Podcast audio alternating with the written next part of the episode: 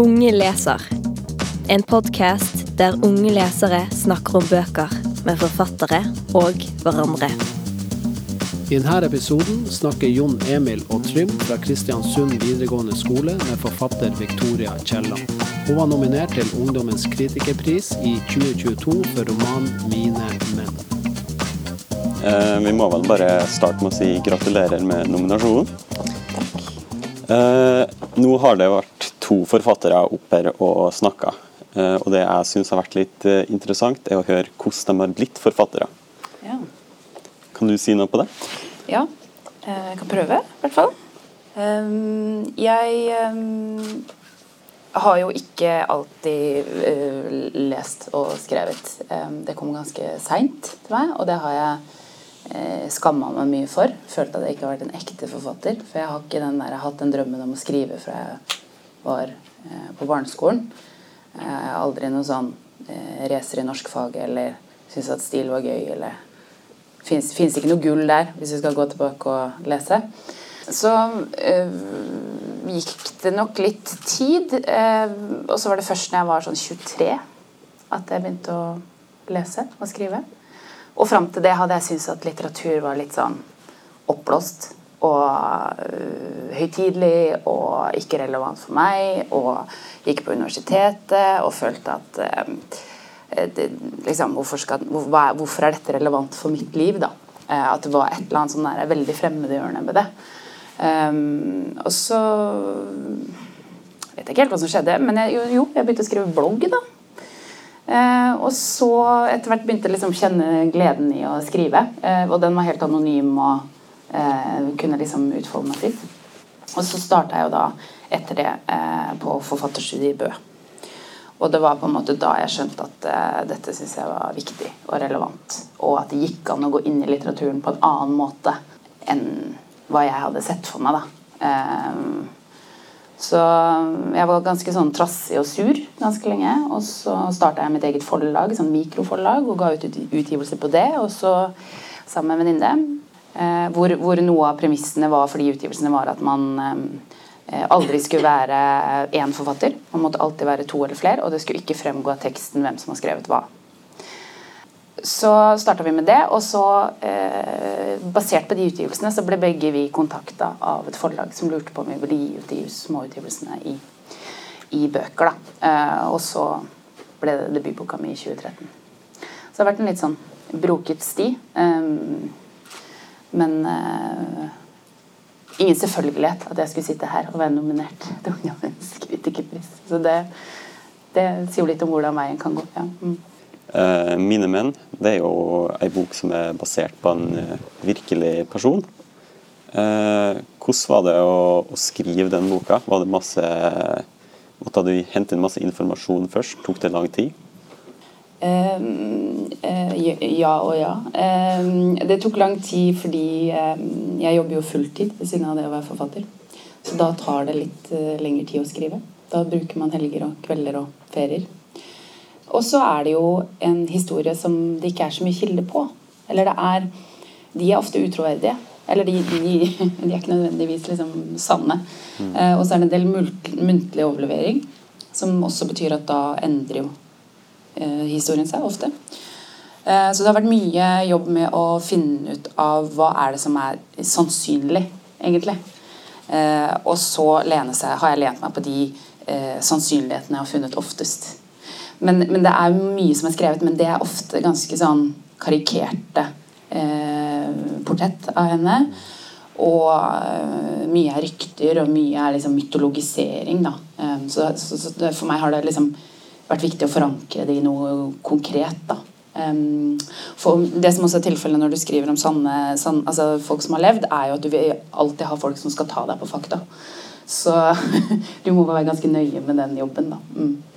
Um, når du tar og skriver sånn, så nevner du at eh, det tok ganske, en ganske lang tidsperiode å skrive boka.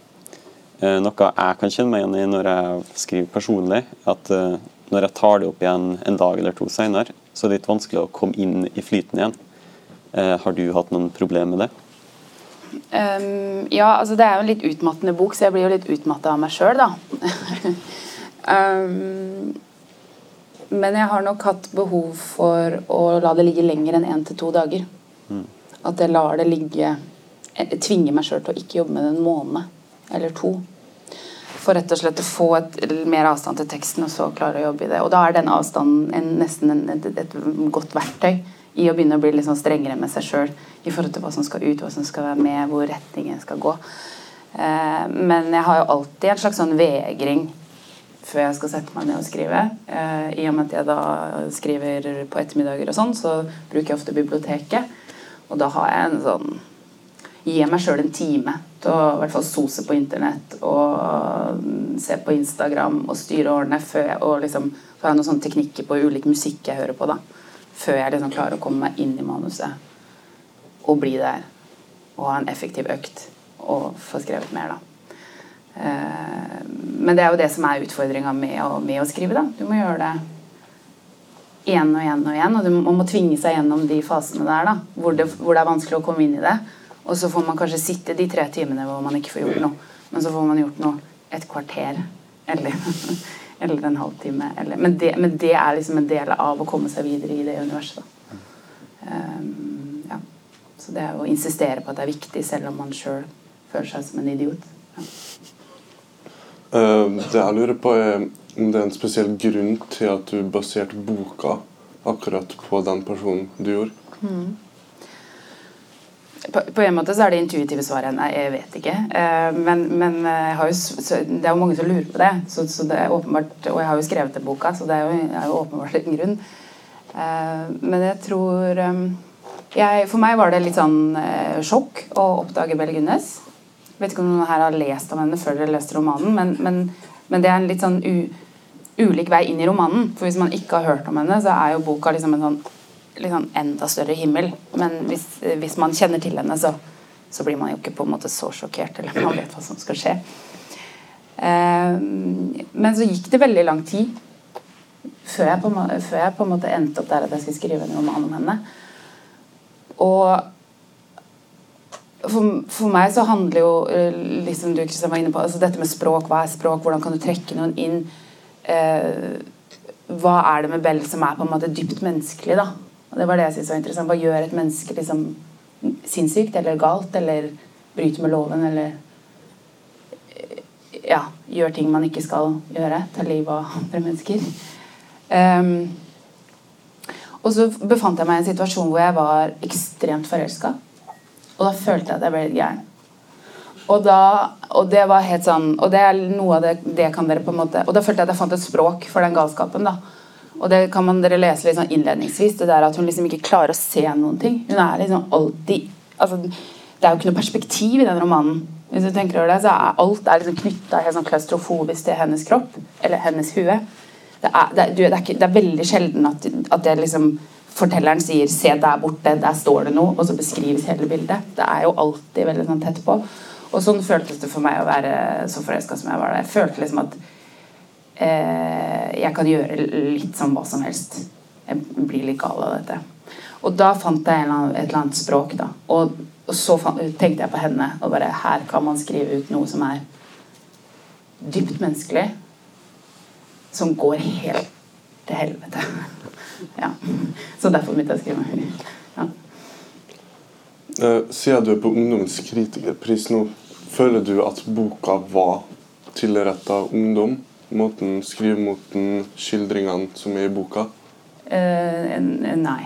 Men, men, jeg håper jo, uh, som Kristian var inne på, altså at, at, at, det er dette når jeg snakker om noe dypt menneskelig, at det er noe man kan kjenne seg igjen i. At det, at det finnes noe sånn punkt i, i ens eget liv. Og det jeg tror alle her har vært forelska eller kan bli forelska eller føler at man blir gal eller føler at man blir rasende som man bare har lyst til å gjøre noe man ikke skal gjøre i følelsenes vold, som det så fint heter. Um, så jeg, jeg, tenker at den er allmenn, men problemet når du skriver sånn som jeg skriver, er at du mister ganske mange lesere på veien. For det er litt irriterende eller utfordrende noen ganger. Så um, bare det å bli lest av så mange ungdommer som jeg har blitt, er jo helt unikt. Uh, det er jo det som skjer når man blir nominert til en sånn pris, er jo at man får lesere som dere. Og det er ikke hverdagskost i norsk samtidslitteratur det, det, det er liksom stort, da. at, eh, at dere har gått inn i det og sett på det og grubla over det og blitt glad, sur, fornøyd. Alt ettersom. Ja. Eh, men jeg tenker jo at det, også, også, men, men, litt sånn tilbake til det jeg snakka om innledningsvis. da, at all litteratur er jo ikke for alle. Og det var, tok meg litt tid å skjønne det. at liksom, når jeg begynte å interessere meg for skriving og, og, og lesing, så var jeg, så alt det jeg da, da, altså, til da hadde lest, var, føltes for meg totalt irrelevant. Og så ble jeg bare enda mer provosert over at jeg ikke fant noe som funka for meg, inntil jeg da begynte å skjønne at det finnes jo masse ulik litteratur. Det er ikke sånn at den streite romanen må være det jeg må forholde meg til. Jeg kan forholde meg til masse eksperimentell poesi. Jeg kan forholde meg til masse sånn språkrunking. Altså, det, liksom, det, det, det, finnes Man kan lese, lese Instagram-poesi, man kan lese blogg altså, man, Litteratur finnes på så mange mulige måter. Da. Um, sånn at um, om man ikke liksom likte de bøkene man har lest her, så finnes det masse litteratur der ute som sier noe annet om verden som er viktig og bra og utvider horisonten. Ja. Du nevnte uh, litt om uh, sinnet til, til Belle. Det er jo ganske åpenbart at hun er mentalt syk. Hvordan var det å sette seg inn i den karakteren når du skrev? Altså, ofte så sier, sier man, man jo at man skriver seg inn i en karakter. Jeg følte at jeg skrev meg inn i meg sjøl. Eh, Jf. Eh, galskap og forelskelse. Eh, det som har vært mye av jobben, har jo vært å gjøre, gjøre den bevegelsen fra normalitet til galskap eller mental syke, eller om den sykdommen har vært der hele tida. Ja, Eh, så realistisk som mulig. da, Eller ikke realistisk, det er feil ord, men, men eh, så smidig og så myk at dere som lesere går med på den overgangen. da. Og da må det skje trinnvis. og da kan Det heller, det er også sånn at det ut, da utelukker det f.eks. en jeg-forteller. Og det er jo litt det jeg har prøvd med denne fortelleren min, som er, som er så overdreven og så, så, voldsom, og det ene bildet slår i hjel det andre, er jo for å vise noe med hvor manipulerende da, en stemme eller språket kan være at stemmen i den romanen sier jo veldig helt tydelig nå skal du se her, og du skal ikke se på alt det der borte. Du skal se på det her. Og så viser jeg hvordan den fortelleren er på en måte så overdreven og så manipulativ. Ja. Og det, jo, det, er jo der kanskje en del av den der mentale sykdommen på et eller annet vis befinner seg. da.